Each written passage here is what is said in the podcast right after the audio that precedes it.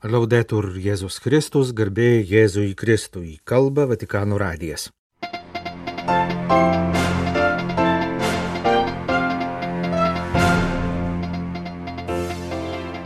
Praėjus kelioms dienoms po pasaulio jaunimo dienų Lisabonoje popiežius paskyrė naują Lisabonos arkivyskupą patriarchą. Paskirtas naujas apaštališkasis nuncijus Lenkijoje. Jeruzalės Lotynų apieigų katalikų patriarchas susitiko su Izraelio ir Palestinos prezidentais. Pasaulio jaunimo dienų atgarsiai. Izraelio jaunimas pasakoja apie dalyvavimą Lisabonoje vykusiame didžiajame susitikime. Su Lietuvos jaunimu Lisabonoje buvęs telšių vyskupas pasidalijo įspūdžiais vyskupijos interneto svetainėje. Kardinolas iš Afrikos apgailestauja, kad šiame žemynė dar nebūtų įmanoma surenkti didžiojo pasaulio jaunimo dienų susitikimo. Seulo arkivyskupas džiaugiasi popiežiaus sprendimu Korejoje surenkti 2027 m. pasaulio jaunimo dienas.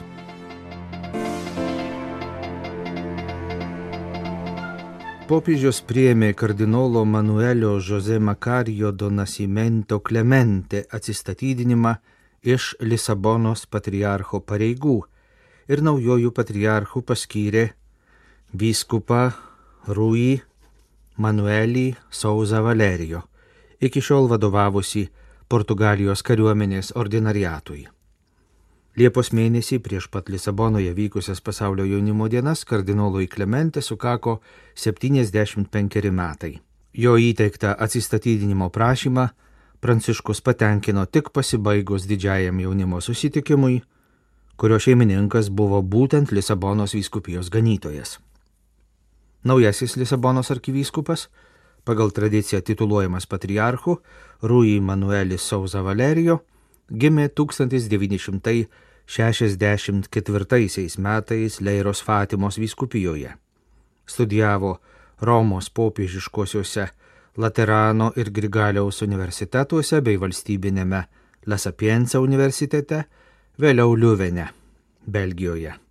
1990 metais davė įžadus švenčiausiosios mergelės Marijos draugijoje, tai yra Monfortiečių kongregacijoje. 1991 buvo išventintas kunigu. Dirbo Romos vyskupijos, vėliau Portugalijos vyskupijų parapijose. Keletą metų buvo Portugalijos karo laivyno mokyklos ir Lisabonos karo laivyno ligoninės kapelionas.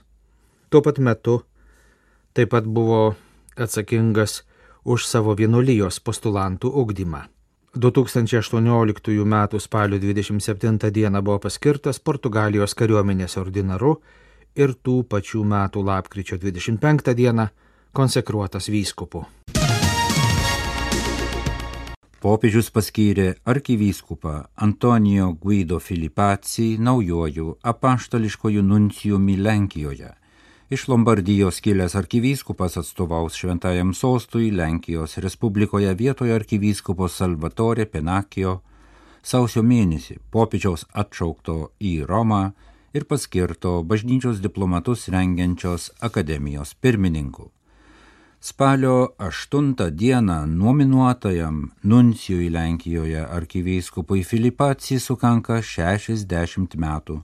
Jis yra tarnavęs nuncijumi Indonezijoje ir Nigerijoje. 1992 metais Romoje baigęs kanonų teisės ir bažnyčios diplomatijos mokslus, tarnavo Šventojo sosto diplomatinėse misijose Šrilankoje, Austrijoje, Vokietijoje ir Vatikano valstybės sekretorijate. Haifos krikščionių bendruomenės nariai išėjo gatves protestuoti prieš žydų radikalių grupuočių nesenai vykdytus įsibrovimus į krikščionių šventasias vietas, ypač į Haifos Stella Maris vienuolyną. Rūpiučio 8 dieną, trečiadienį, Stella Maris vienuolynė Haifoje su privačiu solidarumo vizitu apsilankė Izraelio prezidentas Izakas Hercogas su oficialia delegacija. Vienuolynė su prezidentu susitiko Jeruzalės lotynų patriarchas arkivyskupas Pirbatista Pizzaballa, Haifos karmelitai, taip pat Jeruzalės ortodoksų patriarchas Teofilis. Krikščionių bendruomenių vadovai padėkojo prezidentui už šį solidarumo gestą ir išreiškė viltį, kad jis paskatins kurti taikos, supratimo ir sambuvio atmosferą. Krikščionių vadovai prašė Izraelio valdžią saugoti krikščionims brangias šventasias vietas visais lygmenimis. Kreipdamasis į savo bendruomenių narius, jie prašė melstis už taiką, puoselėti dialogo kultūrą ir taikų sugyvenimą su visais. Trečiadienį rūpiučio 9 dieną Palestinos valstybės prezidentas Mahmudas Abbasas Ramaloje prieėmė Jeruzalės lotynų patriarchą arkivyskupą Pirbatystą Pizzaballą. Sveikindamas arkivyskupą Pizzaballą su jo paskirimu kardinolu, Mahmudas Abbasas pažymėjo, kad kardinolystė, kurią popiežius nusprendė suteikti Jeruzalės patriarchui, yra ne tik jo paties, bet ir Jeruzalės miesto pagerbimas, pasididžiavimo šaltinis visiems tiek krikščionims, tiek musulmonams.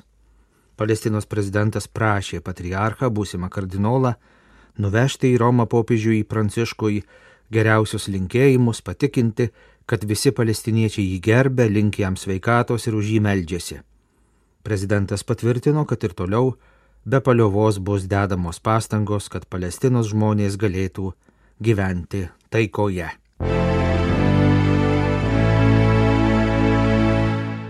Pasaulio jaunimo dienose Lisabonoje dalyvavo grupė hebrajiškai kalbančių katalikų iš Izraelio. Jie atstovavo Šventojo Jokūbo vikariatui, tai yra Jeruzalės lotynų patriarchato padaliniui skirtam hebrajiškai kalbantiems katalikams. Kartu su keliomis dešimtimis jaunuolių į Lisaboną keliavo ir Šventojo Jokūbo vikariato vadovas kunigas Piotras Želiasko. Kalbėdamas apie jaunimo iš Izraelio grupę, kunigas sakė, kad į Lisaboną keliavusi jaunimo grupė, kaip ir visas Šventojo Jokūbo vikariatas, tai skirtingų tapatybių mozaika kurią vienyje katalikų tikėjimas, hebrajų kalba ir Izraelio kultūra. Grupėje buvo žydų ir arabų jaunimo, Izraelija gimusių filipiniečių, brazilų ir lenkų kilmės žmonių, visi šie jaunuoliai save identifikuoja kaip šio laikinės Izraelio visuomenės narius. Į Lisaboną su šia grupe keliavęs izraelietis jaunuolis Ortalis pasakojo, kad jis tik rengėsi krikštui ir dalyvavimas pasaulio jaunimo dienose jam buvo svarbi jo asmeninės kelionės vedančios link Jėzaus dalis. Jis užaugo nereligingų žydų šeimoje, tad iš pradžių tikėjimas jam nebuvo svarbus veiksnys. Tačiau ieškodamas atsakymų į esminius gyvenimo klausimus, jis susipažino su katalikų bažnyčia ir joje sutiko Jėzų. Per pasaulio jaunimo dienas jaučiau, kad esu tinkamoje vietoje atmosfera, kitų žmonių tikėjimo liudymai, maldos, visa tai leido man pasijusti kaip namie, pasakojo Ortalis. Mergina iš Jeruzalės vardu Jesa pasakojo, kad jai padarė įspūdį popiežiaus pranciškaus žodžiai ir būdas, kuriuo jis kreipėsi į jaunimą. Nors per šeštadienio vakaro maldos būdėjimą ir sekmadienio ryto mišes Jesa buvo gana toli nuo altoriaus, popiežiaus žodžiai palėtė jos širdį. Manau, kad jis gerai supranta problemas, su kuriomis šiandien susiduria jaunimas. Manau, kad ir kiti dalyviai jautė tą patį, sakė Jesa. Danielis iš Jeruzalės jau trečią kartą dalyvavo pasaulio jaunimo dienose. Prieš Lisaboną jis jau dalyvavo didžiuosiuose pasaulio jaunimo dienų susitikimuose Madride ir Krokuvoje. Kiekvienas kartas buvo unikalus, nes šiems susitikimams būdingas nenuspėjamumas, o perdodama žinia visada yra labai stipri. Nesvarbu, kiek kartų klausaisi popiežiaus, visada išlieka gyvosios Evangelijos šviežumas, sakė Danielis ir pridūrė, kad jis jau yra apsisprendęs keliauti ir į 2027 metais Seule vyksiančias pasaulio jaunimo dienas. Telšių vyskupijos interneto svetainėje paskelbtas interviu su Lietuvos vyskupų konferencijos jaunimo reikalų tarybos pirmininku Telšių vyskupu Algirdu Jurevičiumi. Jis lydėjęs Lietuvos jaunimo grupės, dalyvavusias pasaulio jaunimo dienose Lisabonoje, dalyjasi savo asmeniniais įspūdžiais.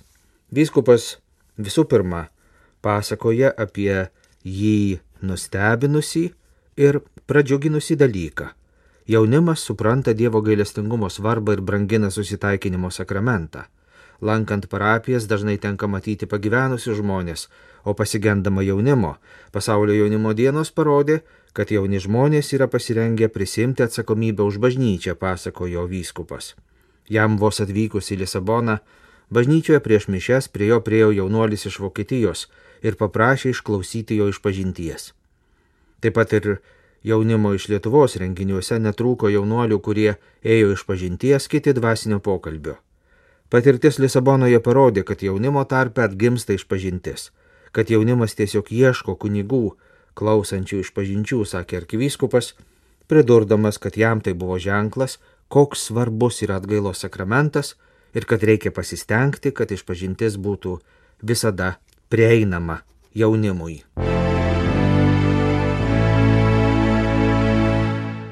Kardinolas iš Afrikos džiaugiasi pasaulio jaunimo dienomis, bet ir neslepia nusivylimo, kad renginyje dalyvavo per mažai jaunimo iš Afrikos žemynų.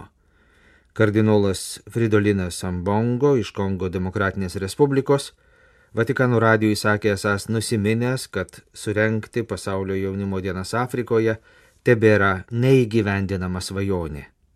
Kinšasos arkivyskupas Fridolinas Abongo sakė, kad jis yra dėkingas už tai, kad vis dėlto tam tikras skaičius jaunuolių iš Afrikos galėjo dalyvauti pasaulio jaunimo dienose Lisabonoje. Tačiau jį liūdina, kad nebuvo galima deramai atstovauti Afrikai dėl vizų išdavimo procedūrų. Portugalijos ambasados nenorėjo išduoti vizų jaunuoliams iš Afrikos, nes buvo manoma, kad jie nenorės grįžti į namus, sakė kardinolas. Kardinolas Fridolinas Abongo dėl tokios situacijos kaltino ne Portugaliją, bet pačią Afriką. Anot jo, ši situacija meta iššūkį patiems afrikiečiams. Afrikos šalys turėtų padėti užtikrinti, kad su vizų prašančiais jaunais afrikiečiais būtų elgiamasi oriau. Kardinolas sakė suprantas, kad nelegali migracija iš Afrikos į Europą kalta dėl to, kad Afrikos žemynui nebuvo pakankamai atstovaujama pasaulio jaunimo dienose Lisabonoje. Tai paradoksas, tęsė kardinolas, kad kunigai, suaugusieji tikintieji ir kiti grupės lydėję asmenys gavo daugiau vizų negu jaunimas. Dauguma afrikiečių dalyvavusių pasaulio jaunimo dienose Lisabonoje buvo suaugusieji, vyresni nei 30 metų, o pasaulio jaunimo dienose dalyvavę jaunuoliai tai visų pirma Europoje jau nuo anksčiau gyvenantys afrikiečiai kada ateis Afrikos eilė surenkti pasaulio jaunimo dienas. Viskam savo laikas. Ir tas laikas ateis, sakė kardinolas. Jis pripažino, kad Afrikai būtų nelengva įvykdyti tam tikras sąlygas, užtikrinti dalyvių saugumą. Kai atvyksta tiek daug jaunuolių, būtina užtikrinti jų saugumą, sakė Fridolinas Abongo, pridurdamas, kad norint surenkti pasaulio jaunimo dienas, reikalinga atitinkama infrastruktūra. Tačiau, kol ateis mūsų eilė, afrikiečiai tikrai labai mielai keliaus į pasaulio jaunimo dienas Azijoje 2027 metais Seule, pažymėjo kardinolas Fridolinas Abongo, Kinšasos arkivyskupas.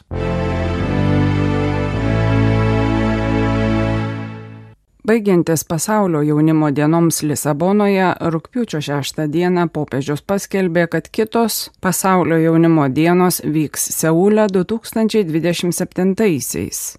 Seulo arkivyskupas Piteris Šungas Sūnas džiaugiasi žinia, mato pasaulio jaunimo dienas kaip puikia galimybė visiems, nes nors kultūra ir kalba skirtinga, galime jaustis kaip viena Dievo tauta. Pasak arkivyskupo, ši patirtis jaunuoliams leis paragauti Korejos kultūros skirtingo skonio, tačiau jie jūs vienybę Kristuje. Arkivyskupas mano, kad būsimos pasaulio jaunimo dienos atvers ne tik unikalią galimybę aplankyti Koreją, bet ir susipažinti su turtingu paveldu bei įvairove, kurią galima rasti Azijoje, kur krikščionis dažnai gyvena kaip mažuma multireliginiuose kontekstuose. Ganytojas taip pat tiki, kad vienybė ir brolybė išgyventa jaunimo bus perduota ir visiems korejiečiams bei kitiems regiono žmonėms. Pasirengimas ir logistiniai organizaciniai klausimai, kaip draugė suburti tūkstančius ar kaip Lisabonoje milijoną su pusę jaunų žmonių, yra didelis iššūkis. Tačiau arkivyskupas žvelgia optimistiškai. Galima surinkti pagalbą ir sutelkti savanorius, taip pat atsidavusius kaip Lisabonoje. Arkivyskupas tikisi iš naujo atgaivinti šalies jaunimo tarnystę, kuri tapo sudėtinga dėl koronaviruso pandemijos. Pasak arkivyskupo pasaulio jaunimo dienos suteikia galimybę Korejos ir viso pasaulio jaunimui padėti tapti gėrio kuriejais pasaulyje Korejos jaunimas rytoj taps jaunais lyderiais bažnyčioje ir visuomenėje. Mes palydėsime juos šiame kelyje augant ir tampant jaunais lyderiais, sakė Seulo ganytojas. Pasak arkivyskupo, ne tik Pietų Koreja, bet visas Azijos žemynas atsidurs dėmesio centre dėl to, kad čia bus rengiamos pasaulio jaunimo dienos. Tad mes, Korejos viskupai ir Korejos bažnyčia, Aptarsime tai su kitomis šalimis. Norime pakviesti juos. Jūs esate laukiami, jūs esate kviečiami. Ateikite, paragaukite ir dirbkime kartu. Kartu pasirenkime busimoms pasaulio jaunimo dienoms, ragina Seulo arkivyskupas. Pasaulio jaunimo dienos Seulė turi tam tikrą priešistorę. Pasaulio jaunimo dienos kartą jau vyko Azijoje 1995 Maniloje su popiežiumi Jonu Pauliumi II.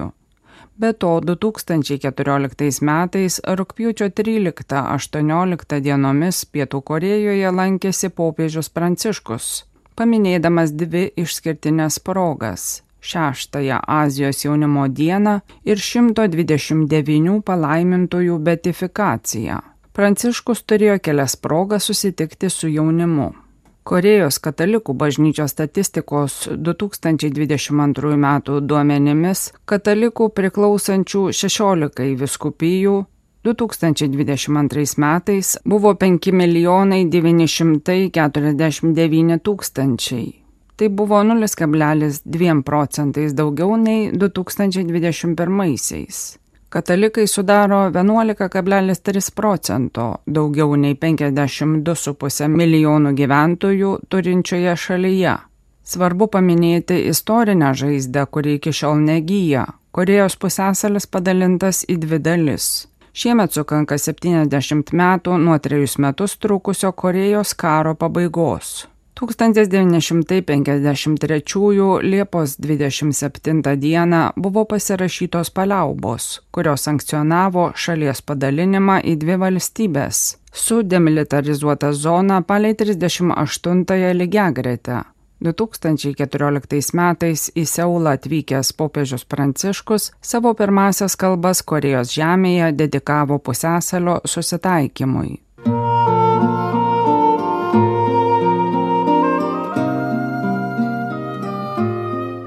Kalba Vatikano radijas. Mėlyjeji klausytojai, primename, kad Vatikano radijo laidų jūs galite klausytis ne tik per Lietuvos radio kanalą Klasika ir Marijos radiją, bet ir per mūsų interneto radiją, kurio galima klausytis mūsų interneto portale.